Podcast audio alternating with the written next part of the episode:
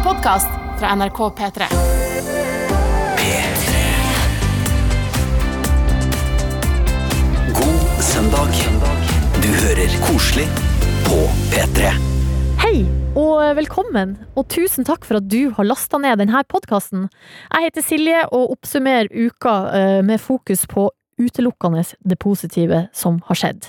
Og tanken er jo at du skal få ei vitamininnsprøytning, noe som du kan ta med deg inn i neste uke, eh, med troa på det gode og litt optimisme i denne vanskelige tida som vi er inne i nå. Og eh, vi kan jo starte ballet da med å bare trekke fram noen ting fra nyhetsbildet som er fint. Nemlig store motehus som Prada, Yves Saint Laurent og Balenciaga har kasta seg rundt for å produsere munnbind munnbind og annet sårt tiltrengt materiell til helsevesenet. Det er helt rått. Og så er sommer-OL utsatt til neste år, men både norske utøvere og eksperter sier at dette kan øke Norge sine medaljesjanser. Heia Norge! Og så har det vært en brå nedgang i vanlig influensa, det er vist tall fra Folkehelseinstituttet. Det er noen usikkerhetsmomenter med de her tallene, men det tyder likevel på at tiltakene vi holder på med nå, med å holde avstand, vaske hendene osv., de funker. Og så er ozonlaget på vei mot friskmelding, det viser ny forskning.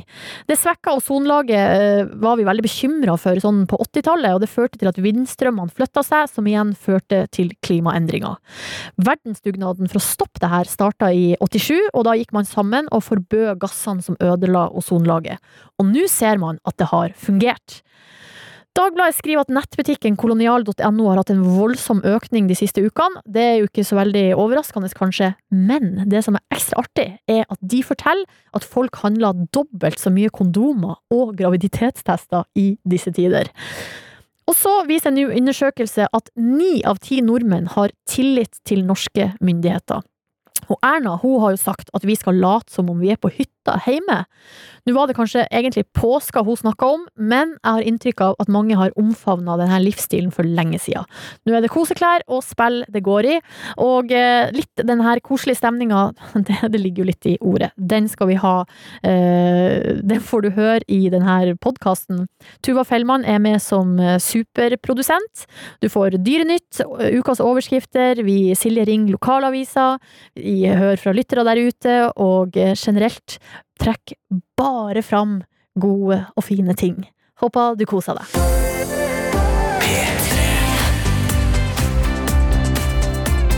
God søndag. Du hører koselig på P3. Det har dukka opp et uh, lite problem. Og det må være lov, uh, men da tar man tak i problemet, og så hjelper man. Fordi uh, det dukka opp en tweet på Twitter her om dagen, og der sto det Jeg kjøpte en stikling av ei dame på en kjøp- og salggruppe for planter for noen måneder siden. Og nå sliten. Men jeg tør ikke legge ut bilde og spørre om råd i plantegruppa, for jeg er redd hun skal kjenne meg igjen og tenke at jeg mishandla stiklingen hennes. Så da tenkte jeg vi må prøve å hjelpe denne personen. Derfor har eh, vi ringt henne opp nå. Hei, Hanne. Hei. Hei. Hvor i Norge befinner du deg? Jeg bor i ei lita bygd utenfor Ålesund. Ok, da har vi satt det. Eh, og så lurer jeg på, hvor mange planter har du hjemme? Eh, jeg har i hvert fall flere enn samboeren min syns er greit. Ja, 30 ca. Ja, riktig. Jeg, jeg, vet ikke helt om det er mye eller lite, men det, det, det er akkurat passe, tenker vi sier da. Ja. Um, hvordan ser egentlig denne stiklingen som du har fått fra plantegruppa ut? Eh, stiklingen det er en Maranta leuconera, og det sier vel kanskje ikke så mange så veldig mye, men det er en grønn og rødblada plante i en gruppe som kollektivt blir kalt prayer plant, fordi de folder to og to blad sammen om kvelden, nesten som folder hender. Oh. Nei, så flott. Prayer. Plant, Ja, prayer plant. Men du, hvordan går det med den? nå? altså, hva skjedde, hva, hvor kjøpte du den her, og hva skjedde med stiklingen din? Jeg, jeg kjøpte den av ei dame i, i Ålesund på, på ei sånn gruppe. Og det som skjedde, var at jeg tok den med meg hjem, og så har jeg syntes det var vanskelig å finne informasjon om hvordan man egentlig skal stelle denne her planta. Det, det, er masse forskjellig info på nettet, og alle sier forskjellige ting. Hvor mye lys skal den ha, hvor mye vann skal den ha skal den ha gjødsel, skal den ikke ha gjødsel? Helt umulig å finne ut hva som egentlig er rett. Og så tok jeg den med meg hjem, og så mista den nesten alle bladene. Og så tenkte jeg OK, dør du, så dør du, og gjør du ikke det, så gjør du ikke det. Uh, og så har det egentlig gått greit. Og etter at jeg skrev den tweeten, så har det kommet to nye blad, og nå vet ikke hva som egentlig foregår. Det er veldig fint, eh, Hanne. Eller altså, det er jo litt synd at, eh, at du ikke er helt trygg på skjebnen til denne stiklingen din. Men uh, det jeg tenkte da, er at uh, du skal få bli med oss litt til. For at nå skal vi ringe en ekspert som kan gi oss litt plante- og stiklingstips. Koselig på P3. I Koselig på P3 er vi altså nå i gang med å hjelpe Hanne.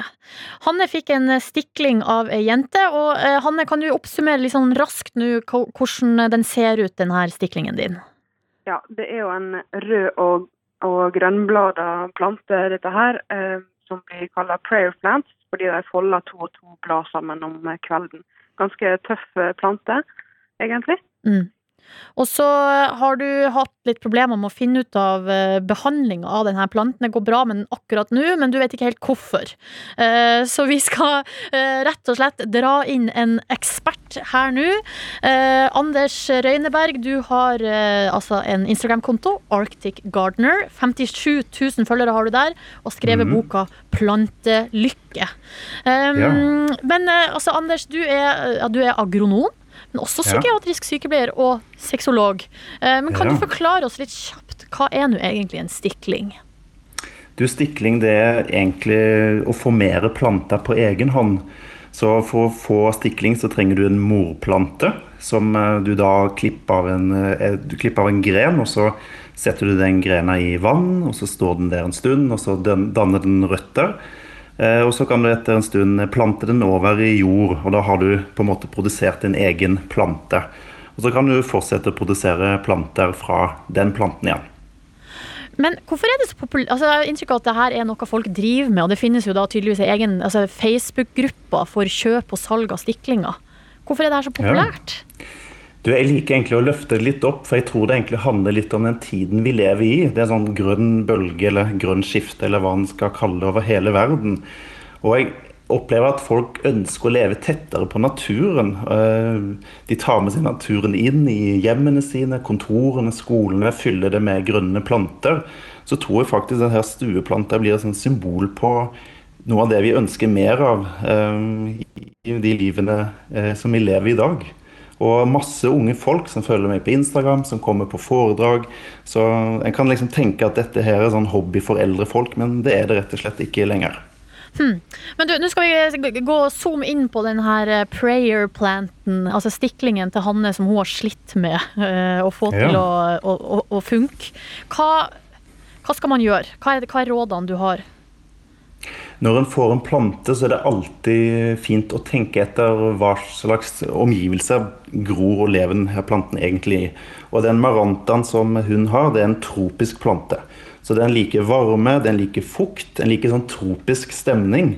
Eh, Men den liker ikke sånn sterk sol. Så dette er en plante som egentlig liker å leve under skyggen fra større trær ute i jungelen, eh, hvor det er fuktig og varmt. Så jeg tenkte når jeg hørte at det var en maranta tropisk plante, at den kanskje kunne vært perfekt å ha på badet, hvor det er litt sånn fuktighet og, og varme. Ja. Og så hørte jeg her at Hanne sleit med å finne altså sånn, At rådene på internett var litt sprikende. Med liksom gjødsling og vanning Ja. og hva, hva er egentlig den vanligste grunnen til at planter dør, kan jeg spørre om? Du, det er drukningsdøden, iallfall i et sånn kaldt land som Norge. Jeg kaller det for de tre dødsmåneder. Og det er ja, november, desember januar. Da er det mørkt ute. Og da gir folk altfor mye vann til plantene sine. fordi da er egentlig plantene i dvale. Den blir litt sånn som oss mennesker på vinteren. Den sovner litt inn. Eh, og da skal den ikke ha så mye vann og næring. Og så kommer våren, og det blir varmere ute, og det kommer sol, og plantene kvikner til, og da ønsker de både mer vann og lys og næring. Ja, riktig. Men sånn helt konkret, den her planten til Hanne. Hun putta den på badet, og så Eh, og sørg for at den får eh, nok lys, men ikke stekende sol, fordi det er en tropisk plante. Og så vil jeg også sjekke at den får eh, lus. Alltid når en får en ny plante, så se på undersiden av eh, bladene. Eh, hvis den har lus eller udyr, så vil du da se det veldig sånn enkelt på baksiden av bladet. Og hvis du ser noe lus der, så bare skrubb den godt i sånn grønnsåpevann, så du får vekk alt, eh, alt som er av eh, udyr. Jøss, grønnsåpe, det funker mot det meste. Det gjør faktisk det, ja. Men er det, altså, er det noe sjanse for eh, stiklingen til Hanne? Har du tro? Ja, den, ja, jeg har troa. Og nå er jo vårsola her, og da har den mye bedre forutsetninger for å klare seg også. Så skift vann en gang i uka, sånn at det får litt det lille vann, næringen som er i vannet. Og så får vi bare krysse fingrene og håpe at den klarer seg. Hanne, eh, fikk du motet tilbake her nå? Ja da, dette tror jeg skal gå kjempefint. Ja. Hvor er det den står henne nå, stiklingen din? Er den på badet? Ja, den står eh, på kjøkkenet faktisk, og den eh, er jo rota i jord. Ja. Så Ja. jeg tror egentlig at det, det skal gå ganske bra. Nei, men i, Ja. Bare la den tørke sånn skikkelig opp mellom hver vanning, sånn at du ikke får sånn rotråte. Eh, når det er for mye vann i jorda, så kan røttene begynne å råtne. Så la den tørke skikkelig opp, og så at den får eh, nok med lys. Men jeg lurer på, altså Anders, vi hørte jo her at eh, Hanne sitt problem Eller hun turte ikke å spørre den som hadde gitt henne en sånn her stikling som hun sleit litt med, om hjelp. Fordi hun var redd Mhm. for at uh, hun, den vedkommende skulle, skulle mistenke at hun mishandla stiklingen sin. Uh, Ja. Skjønner du at uh, hun syns det er vanskelig å innrømme? Ja, eh, fordi jeg har jo opplevd det selv etter jeg har blitt kjent for det med planter, at folk vil jo nesten ikke slippe meg inn i hjemmene lenger, fordi de er så redde for at jeg skal eh, se plantene. Og jeg opplever at de, liksom, de tenker at jeg skal dømme dem, jeg tenker at de, de dårlige og fæle mennesker som ikke klarer å ta vare på plantene sine. Så jeg, jeg ser den, altså. Ja, altså, jeg må innrømme at jeg er litt skeptisk til å slippe deg inn hos meg. Fordi eh, jeg prøver meg med noe greier der, men eh, det går ikke så bra. Jeg lurer på om jeg har gjort det som du sa var en av de største dødssyndene, altså gitt for mye vann. Og da lurer Ja. jeg på, når man gjør det, eh, kan, kan de klare seg igjen etterpå, liksom? Ja, eh, da er det egentlig bare å forsøke å tørke de helt opp, sånn at røttene får tørke godt opp, og så sette de i mer lys. Altså lys er jo næring for, eh, for planter. Så egentlig så er den tiden vi går inn i nå ganske god forutsetning for å, å klare å redde plantene. Men noen ganger så går det ikke, og det er jo egentlig litt det som er greia med planter og, og det som gjør det spennende, syns jeg. da.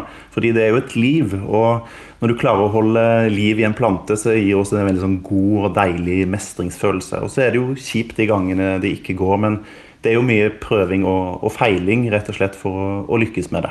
Men du, hvor mange planter har du? Jeg sier jeg har 100, men jeg har faktisk 150, så det høres litt sånn eh, voldsomt ut. Jeg bor i en leilighet på 44 kvadrat. Oi sånn. Så noen mener at det har tippa litt, men jeg mener jo at jeg har kontroll fremdeles. Eh, Ja. Men nå har det blitt såpass mange at eh, jeg har begynt å plassere det litt rundt i fosterhjem, og så har jeg veldig mange i oppgangen i bygården der jeg bor. Og så har jeg også funnet ut det at et sånt triks for å bli en godt likt kollega eller nabo, er jo faktisk å bli planteansvarlig. Ja. For uh, folk liker folk som, eh, som gjør det grønt og fint uh, rundt seg, altså. Så ja. Men du, du, har, du har nesten 60 000 følgere på Instagram, og så ryktes det at det er en del damer fra Midtøsten som følger deg. Hvorfor det? Ja. Jo, dette, det, når jeg begynte med kontoen min, så var det jo veldig mange fra Midtøsten, kvinner. Og jeg syns jo det var veldig rart, fordi jeg er en mann, nordisk, bor i helt annet klima, annen kultur. Så jeg spurte en av de, en, eh, en irakisk kvinne da, om hvorfor hun eh, fulgte meg som nordisk mann. Og så syns hun, hun sa at det var veldig, veldig sånn eh, fredelig over det med planter, og så likte hun veldig godt eh, at menn holdt på med planter. Og det syns jeg var veldig fint. Eh, og så tenker jeg det sier litt om, om den effekten som planter har på oss, Ja. og hvorfor flere og flere ønsker eh, å bli bedre med planter. da. At den har den her rolige og betryggende Altså, den får oss til å føle oss eh, bedre da, og, og stresse ned. Jeg har forstått det sånn at rundt omkring i verden så bruker de planter helt bevisst for å få det bedre. Ja, eh, i Japan så samler en jo nå grupper med eldre, deprimerte bymenn, som en da sender ut i skogen, og de skal da skogbade, fordi en ser at det funker veldig bra mot bl.a. depresjon. Jøss! Men Eh. skogbading, det er jo da bare å gå i skogen. ja, du er bare i skogen. Eh, For vi, vi lider ofte av det vi kaller for naturmangel. Eh, Og det var litt sånn alternativt før, men nå er det liksom helt vitenskapelig at eh, vi får det mye bedre når vi er i nærheten av natur og, og planter. Da. Så kan du liksom gjenskape litt det med å ta med planter inn i, i hjemmet ditt. Ja. Og i England så skriver en jo ut grønn resept, og det er rett og slett at når en blir deprimert, så skal en utgjøre hagearbeid. Og, og en har veldig gode resultater faktisk på det. Jøss. Men det er jo sikkert litt med at man beveger seg også, da. Så I folkehelseperspektiv. Ja, ja det, og gartnere er jo faktisk en av de yrkesgruppene som lever lengst. Og det tenker jeg sier en hel del. Her- Nå lærer vi altså så mye her. Men du, vi har fått inn et spørsmål her på SMS fra en lytter som spør, og det jeg stiller meg bak det her spørsmålet. Hvilke planter bør man begynne med som nybegynner? Ja, eh, jeg er jo egentlig opptatt av at folk skal velge de sånne enkle plantetypene. Mm. og da er det å velge planter som har eh, mørke, grønne, litt tjukke blader. Eh, for de klarer seg ofte uten så mye lys, som er en, en vanskelig ting i Norge. Og når de har litt tjukkere blader, så lagrer de vann inni i bladene sine. Så de kan, de kan ofte like å bli glemt litt over eh, et par uker. Så hvis du ikke har så veldig grønne fingre, så velg noen av disse gamle, klassiske norske sortene som har vært i Norge i mange, mange år, og som vi vet eh, klarer seg godt på, på vinteren i Norge. Ok, Se etter mørkegrønne, tykke blader, altså. Ja. Du, Anders, tusen, tusen takk for at du var med oss her i eh, P3 på Koselig og, eh, og hjalp oss med, med stiklingproblem og andre planteting. Tusen hjertelig takk. Koselig på P3. Og superprodusent Tuva Fellmann.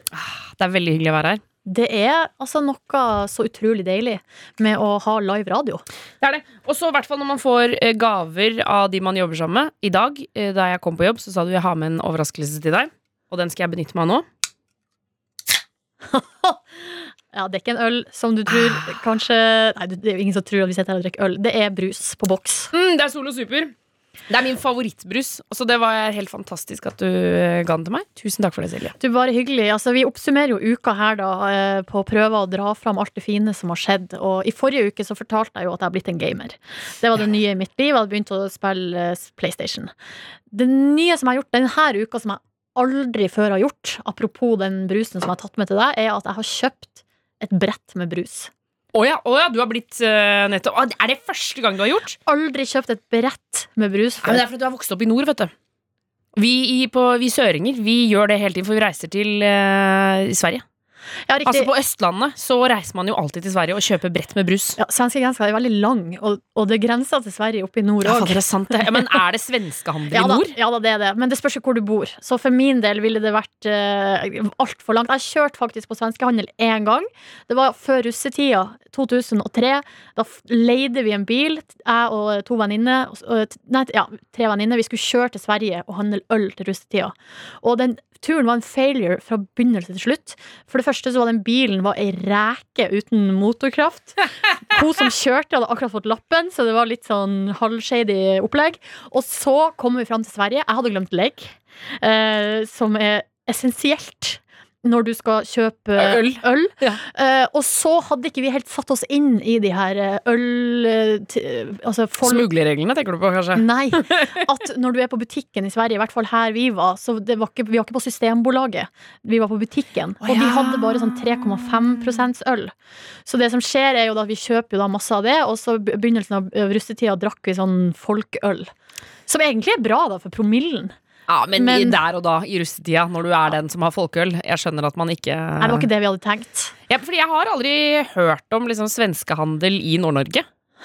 Jo da. Det Ja, det skjer, ja, liksom. Ja, ja, absolutt. Absolutt. Men at man drar på harryhandel, liksom. ja, men det spørs hvor du bor. Altså, oppe i Finnmark kjører de jo til Russland på harryhandel. Ah, ja, men det er jo en annen type harryhandel. Altså, det vil jeg en gang, Ja. Ikke akkurat nå, da. Nå skal vi holde oss hjemme. Ja, det er sant. Det er sant. Eh, og jeg har spurt deg der ute hva har du gjort denne uka. Det er jo kode P3 til 1987 hvis du har lyst til å melde deg på. Og Fotokaren har sendt melding og skriver hei. Uka har vært rolig. Der er den nok ikke alene, eh, Karen. Men hun skriver at hun har fått gjort eh, Nei, hun har ikke fått gjort så mye skolearbeid som hun hadde planer om. Men hun har vært med på sin aller første Zoom-bursdagsfest. Ja. Og Zoom-fest med venner, altså fest på videochat. Og hun sier 'herregud, så gøy det er'. Anbefales på det sterkeste. Ja, det er veldig gøy, syns jeg. Ja. Eh, Men man må på en måte vitser og sånn må man, eh, man må prøve seg litt frem. For det, jeg syns det verste er hvis jeg slår av en vits, og så er det typisk at internetten går, eller noe sånt, og så er det ingen som ler, og, så, og den følelsen der hvor man, eh, Var det helt teit, eller var jeg dust nå, liksom? Så man må bare føle seg litt frem på artighetene. Ja. Men utenom det syns jeg det er helt fantastisk. Ja. Ja, det er en anbefaling fra oss alle sammen hvis du er hjemme alene og syns det er traurig. Tale har sendt oss melding, en shout-out til deg. Tale, klem til deg, som hun har sendt til oss. Eh, Hun har nå funnet fram potetgullposen eh, framfor å gå og legge seg under dyna. Og er oppe da og hører på radioen, og det er veldig koselig tale. Det er koselig. Man kan jo benytte muligheten til å på en måte skryte av de koselige tinga man har gjort. Eh, For det er jo ikke alltid at koselig er synonymt med effektivt, eller eh, altså eh, at det er noe vits å gjøre det. Absolutt ikke! Så her er det liksom lov å bade i sånn Vet du hva jeg gjorde? Og det kan jeg si. Vet du hva jeg gjorde i går? Nei. Jeg spiste en hel pose potetgull aleine. En hel pose, og bare trøkka den inn i nebbet. Gratulerer, Tusen takk. Tuva. tusen takk Det er en med- medalje til deg. P3. Koselig med Silje På P3. Ok, mine damer eh, og herrer. oi, oi, oi, oi. oi. Jeg vil ønske dere hjertelig velkommen til ukas overskrifter. Uke 13. Uke 13. Og som du sa i stad, det kjennes ut som det er uke 854 i 2020. Ja, det har allerede vært et veldig langt år, det her. Eh, Men uansett, uke 13 Vi har bare kommet eh, dit hen. Og eh, i denne spalten så er jo poenget det at eh, du der hjemme er automatisk en del av overskriftsredaksjonen. Og kommer du over ei artig overskrift, gjerne ei med litt sånn positiv schwung, så send den til meg, silje.nordnes.nrk.no. Og det har overskriftsredaksjonen gjort. Jeg har fått tips fra Mari, blant annet. Vi begynner der. Vi skal til Oppland Arbeiderblad. Og her lyd overskrifta som følger. Polkunder dusjes i sprit! ja da. Og det er fra Gjøvik, min, min monopol er Gjøvik. Der sitter ei dame, Trude Opphus Olsrud. Hun har da vakt akkurat når eh, avisen har vært der. Og sitter ved inngangen til polet med ei spritflaske med, en sånn dusjflaske med sprit, som hun da sprayer hendene til kundene. Altså, det er jo en overskrift som kan trekke til eh, seg folk uh, av andre grunner. Absolutt. Så man tror det- man skal få gratis sprit. Ja, nei, det er nok ikke det. Det må jeg beklager, eh, beklageligvis eh, nei, opplyse om. Men Trude skriver, sier jo her da til eh, Oppland Arbeiderblad det er ingen som sier nei til en dusj med sprit på hendene. Alle vil ha. og kundene kommer og rekker fram hendene, og de syns det er helt greit, og det blir godt mottatt. Og de er veldig opptatt av hygienetiltak på polet. De har fått sprit, her står det, fra Arcus. eh, 25 liters dunk. Opplyses til butikksjefen. 25 liter, ja. Og det står også nederst i saken, som jeg ikke er så overraska over, at uh, Vinmonopolet, i hvert fall på Gjøvik, har økt eh, omsetning på 25-30% de siste uk ukene. ja altså, man får jo lyst til å drikke uh, i disse dager. Ja, Kan men jo være såpass ærlig. le- uh, han som er sjef for butikken, han sier at det også har nok med at folk ikke reiser, og at de ikke er på taxfree og ikke drar til Sverige. Ja, det kan godt hende. Så det, det kan være oss, det òg. Det det at vi har omfavna den der hyttetilværelsen sånn 100% At alle er sånn rødvinsdrita 24-7. Nei, det håper jeg ikke. Apropos eh, omsetning som økes, vi skal videre til neste sak. Eh, André har tipsa om den. Nå skal vi til eh, avisa Nordland. Um, og da eh, står det som følger. Koronakrisen får nordmenn til å hamstre sexleketøy! Én trend er tydelig. Oi, oi, oi! Ja, ja, ja. Dette, jeg som sexolog elsker jo denne overskriften. ja, og her har eh, avisen snakka med ø, ulike sånne her ø, sjefer som har sånne nettbutikker som selger sexleketøy. Her blant annet Klubb 4-sjef Tom Ketil Krogstad. Han sier anslår at en økning på opp mot 35% sammenligna med samme periode i fjor. Erotikk 1-sjef Jannike Krogstad. De har samme etternavn. Var ikke det litt artig? Eh, jo, men jeg blir i slekt, da. Ja, Eller de er gift, altså, jeg vet ikke. Men i hvert fall så sier hun Jeg tror mange kjeder seg og tenker at de vil prøve noe nytt. Um, og så på spørsmål hva kjøpes det mest av, da sier Klubb 4-sjefen uh, det er altså uh, Altså her kan si utvalget av sexleketøy er stort, uh, men det går mye glidemiddel, massasjeolje og generelle sexleketøy. Ja. Du vet at jeg bodde ti meter fra Klubb 4-butikken før. I Trondheim. Altså ti faktiske meter. om morgenen jeg gikk til jobb, så var det første jeg så, var Klubb 4. Det er jo helt rått. Eller jeg vet ikke, var det greit? Det er jo intenst med sexleketøy om morgenen, men Ja. eh, det, er, det er fint, det. Jeg har faktisk to butikker veldig nærme meg. si? Jeg har faktisk to sexleketøy Nei. hjemme. Men det som jeg syns er artig, som han sier, han her Krogstad, er at folk kjøper seg nå for et lengre forbruk. Det kan de se som en trend, da. At man kjø altså, folk kjøper større glidemiddelflasker og flere kondomer. Ja, ikke sant. Um, og, og De hamstrer, rett og slett. Rett og slett. Uh, og det syns jeg er fint. Vi hørte jo også tidligere i sendinga at kolonial.no også melder om økt salg av kondomer. Og graviditetstest, som er litt sånn selvmotsigende. Ja, Eller men det eh, er som- forskjellige grupper som kjøper, da. Ja, også eh, i, hvis du bruker kondomer, så det er jo brukerfeil på kondomer. Ja, ikke sant. Og så siste sak. Det er André som har tipsa om den òg. Det er Trønderavisa som har følgende sak. Nå er politiet i Trøndelag også på Instagram! Hei! Og undertittel er 'Til stede på gata og på data'. Å nei! Det går ikke! Jo, Nei! selvfølgelig går det. Til stede på gata og på data. Ja, Altså, nå jeg Nå reiste hårene på armene mine seg. Og det er så gøy, for her sier politiinspektør Sivert Rannem ja, det er mye digital og lite fysisk kontakt i disse dager. Ungdommene er flinke til å holde seg innendørs, og vi i politiet har derfor liten kontakt med de fleste av dem. Og det er jo bra, da, i utgangspunktet. Ja, ja. Men eh, vi oppfordrer derfor ungdommer til å ta kontakt til, eh, med politiet på sosiale medier om de har behov for det. Så da eh, var det ukas gladsak, tenker jeg, her i ukas overskrifter, at politiet i Trøndelag er nå til stede på gata og på data. Koselig med Silje På P3. Og vi har jo spurt da der, eh, der, der, der hjemme hvordan har uka vært. Eh, Og nå har vi altså Jesper på telefonen. Hallo, Jesper. Hallo, hallo. Hvor i landet befinner du deg? Du, akkurat nå så befinner jeg meg i Moss. Jeg studerer egentlig i Trondheim, men nå er jeg hjemme hos familien. da. Men du, Jesper, hva har du gjort denne uka som du har lyst til å trekke fram? Ja, Den uka her, altså det har jo vært noen rare uker. Eh, det er ikke så mye som skjer, men det har blitt litt eh, tid eh, til å gå på tur. Eh, blant annet. Eh, så det jeg har gjort denne uka her, er at jeg har vært på tur med familien. Noe vi ikke er så veldig ofte. Eh, så det tikka inn en melding eh, for en ukes tid siden, eh, blir det vel. Eh, det ble spørsmål om vi ville være med på tur, da. Så jeg har vært på skogstur med familien. Eh, møtte opp eh, nede hos pappa. Eh, alle hadde på seg eh, mye klær. Så ut som vi skulle opp på Galdhøpiggen, men vi skulle da en 20 minutters tur opp i skogen som er rett ved her. Men det er viktig å være godt utstyrt. Det er veldig viktig. veldig Ja. viktig. Så vi, eh, vi traska oppover, vi. Eh, så skulle vi grille, da.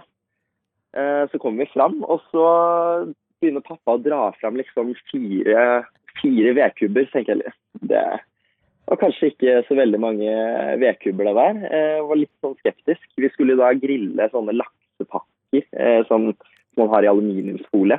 Men du, din far, hvor turvant er han egentlig? Nei, altså vi har vi, Det hender jo at vi er på hytta og vi går litt turer i fjellet og sånn, men eh, når det kommer til eh, skogsturer og sånt, så er han ikke så veldig turvant. Det er han ikke. så nei da, vi skulle grille bål, vi. Så vi prøver å fyre opp dette bålet. Så sleit vi litt og innser at fire vedkubber, det er litt lite. Så vi måtte rett og slett ut og lete etter, eh, lete etter noen vedkubber. Fant vi et sted hvor det faktisk lå noe hogd opp og sånn, da, så vi rappa, rappa med oss noe av det. Oi, oi, oi. Ja, Vedslang. Ja, ja, vedslang. Det, det er ikke hver dag man er på det. Så, nei, så fikk vi da fikk vi jo til slutt fyr på bålet, men så begynte jo også begynte plutselig også å slukne. Så var vi litt sånn oi shit, hva gjør vi nå? Pappa sto der helt hjelpeløs, ikke sant. Og så tenkte vi oss litt om, og så var vi litt sånn oi, ja, men på barneskolen så lærte vi at hvis vi vifter med sitteunderlaget på dette bålet, så blir det fyr igjen, ikke sant. Ja, det er jo den der trekanten. Du må ha oksygen. God, godt Ja. luft. Ja, ja, ja. Mye luft. Så vi sto der og vifta, ikke sant, for uh, så godt vi kunne. Og vi fikk fyr til slutt, vi.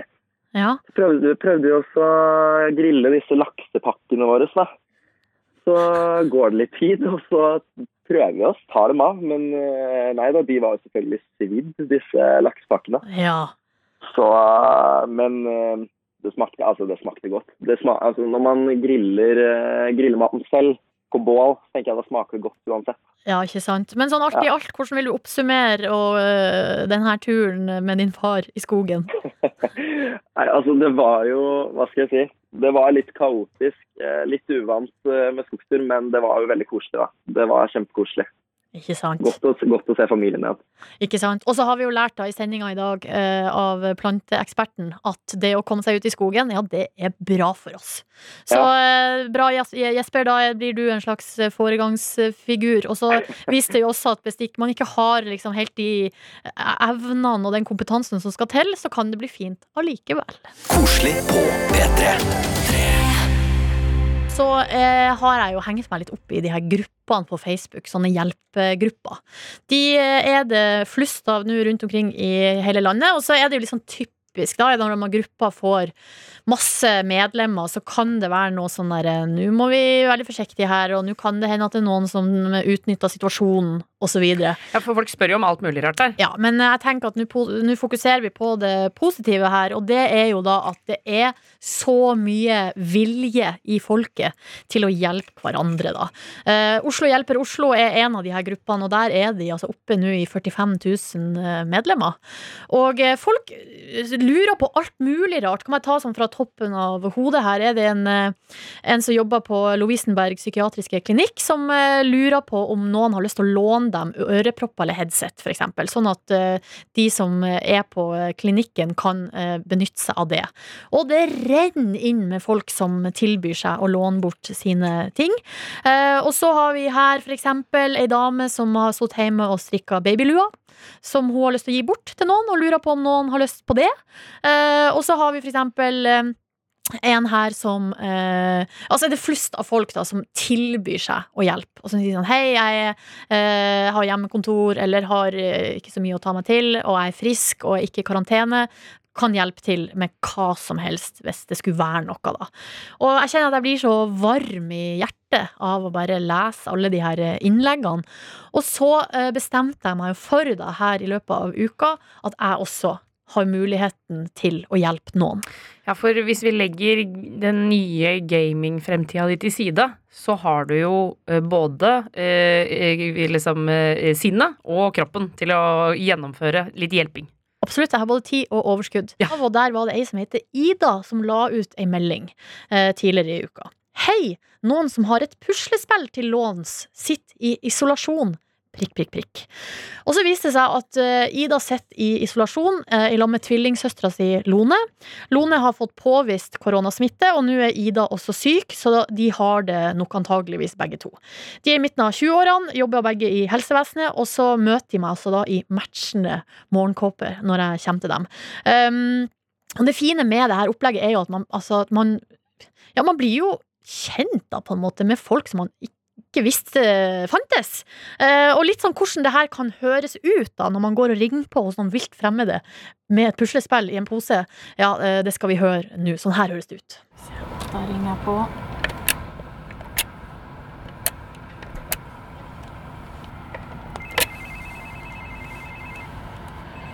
Hallo, Hallo, er det Lone? Det er Lone.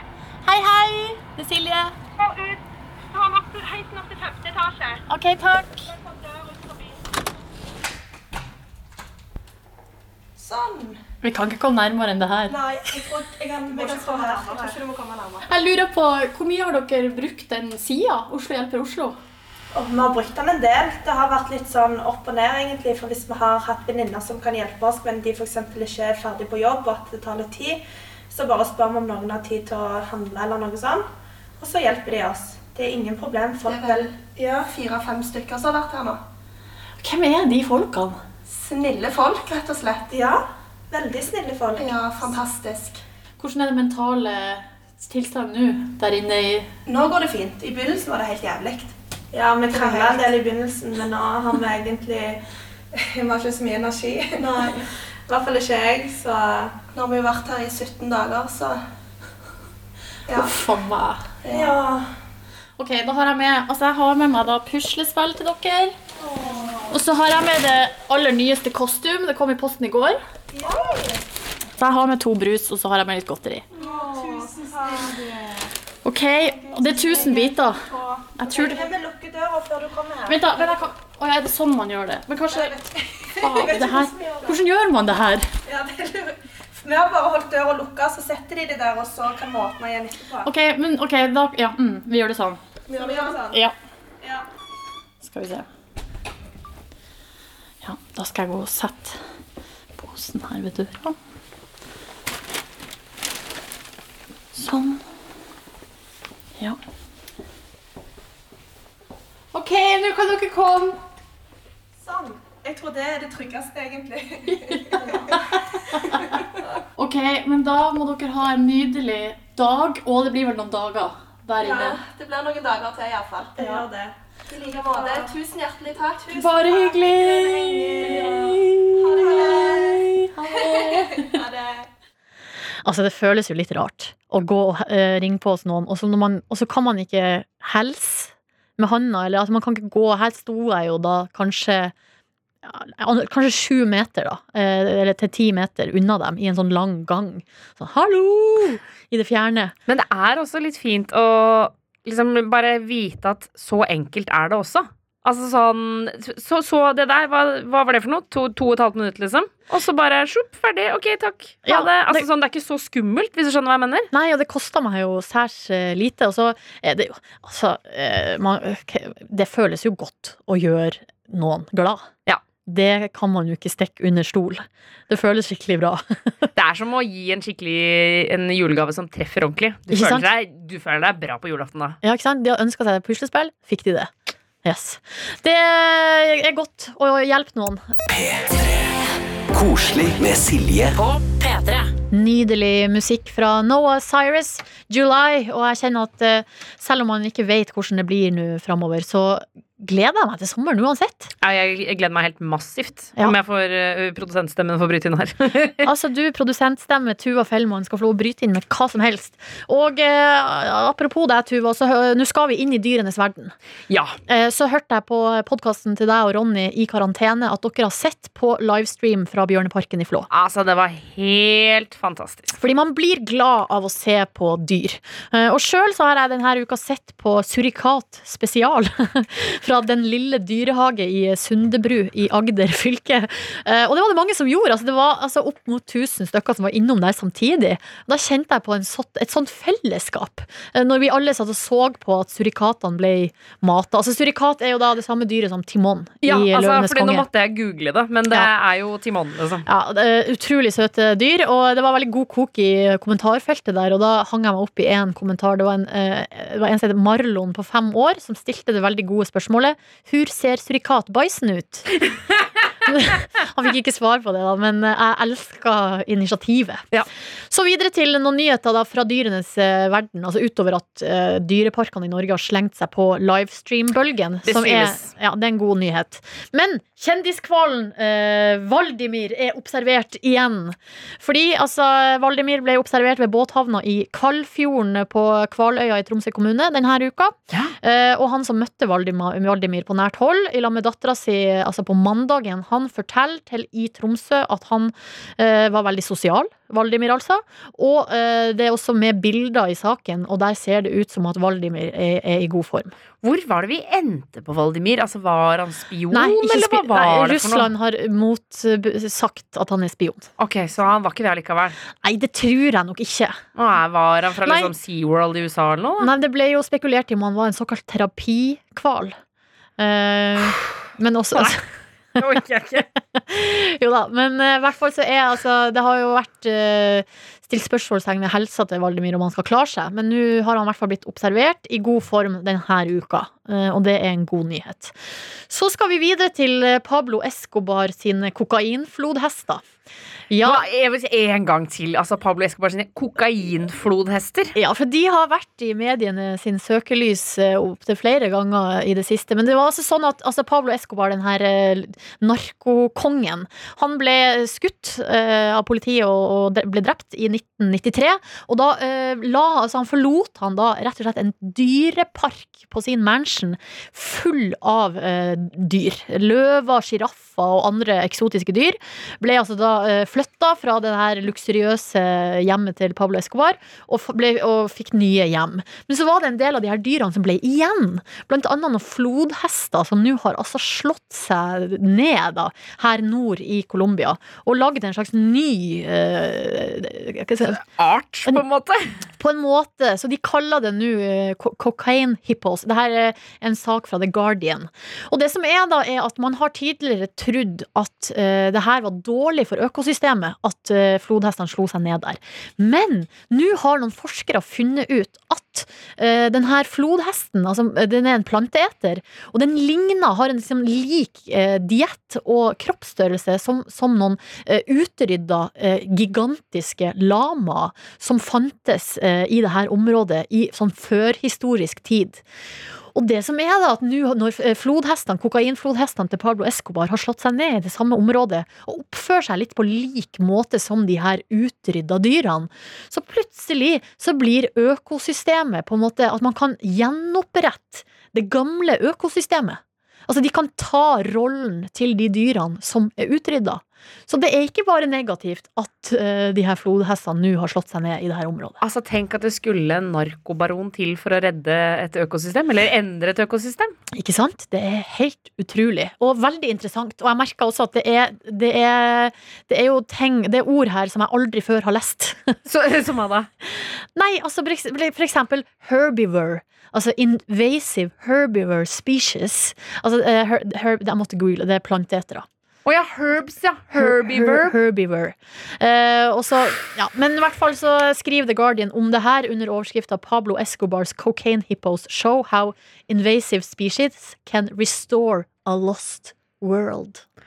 Herregud, det høres ut som starten av Jurassic Park eller. Ja, Å, litt. herregud! Ok, det var nyhetene fra dyrenes verden denne uka, uke 13. Koselig på P3. Hvor jeg oppsummerer uka eh, på en positiv note. Og eh, noen av de som er best på positive saker i mediene, det mener jeg er lokalavisene. Så derfor så har jeg starta en spalte som heter Silje ring eh, lokalavisa.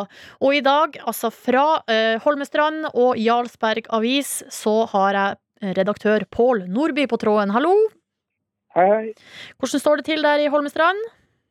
Det står veldig bra til. Stille i gata, men det er vel ikke vente, annet enn sånn som det er nå. Nei. Men, eh, men eh, det er jo hyggelig.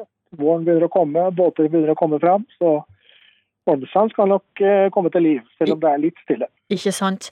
Men du, Pål Nordby, i Jarlsberg avis denne uka, er det en, altså, har du en positiv sak du har lyst til å trekke fram? Ja, vi, vi prøver også å få fram litt uh, morsomt. Da. Det er midt oppi alt dette her triste. Så eh, en av våre journalister har vært hos en uh, bonde på, på Søndre Hegg gård og snakka med både bonden og sauer, for å si det sånn.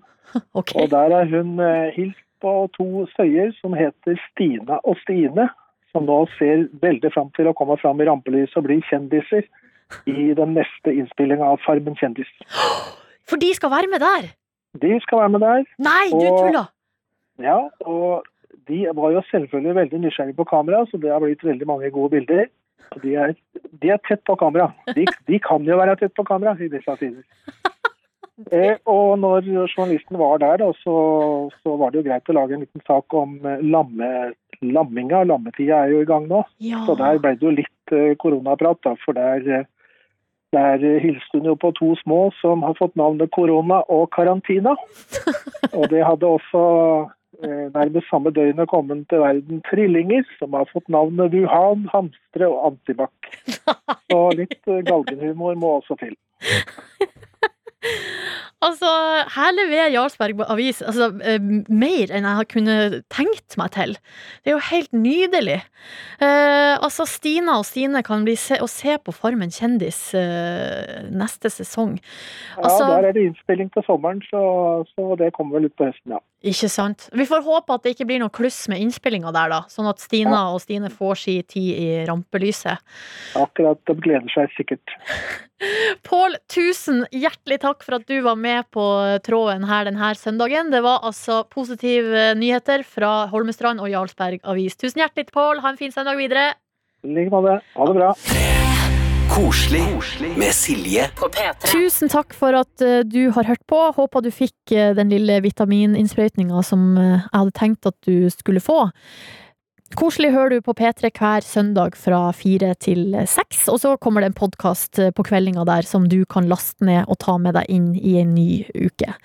Hvis du kommer over et eller annet, en fin sak fra ditt lokalmiljø som du tenker at det her, det burde ut i National Media. Send en mail til koselig at nrk.no.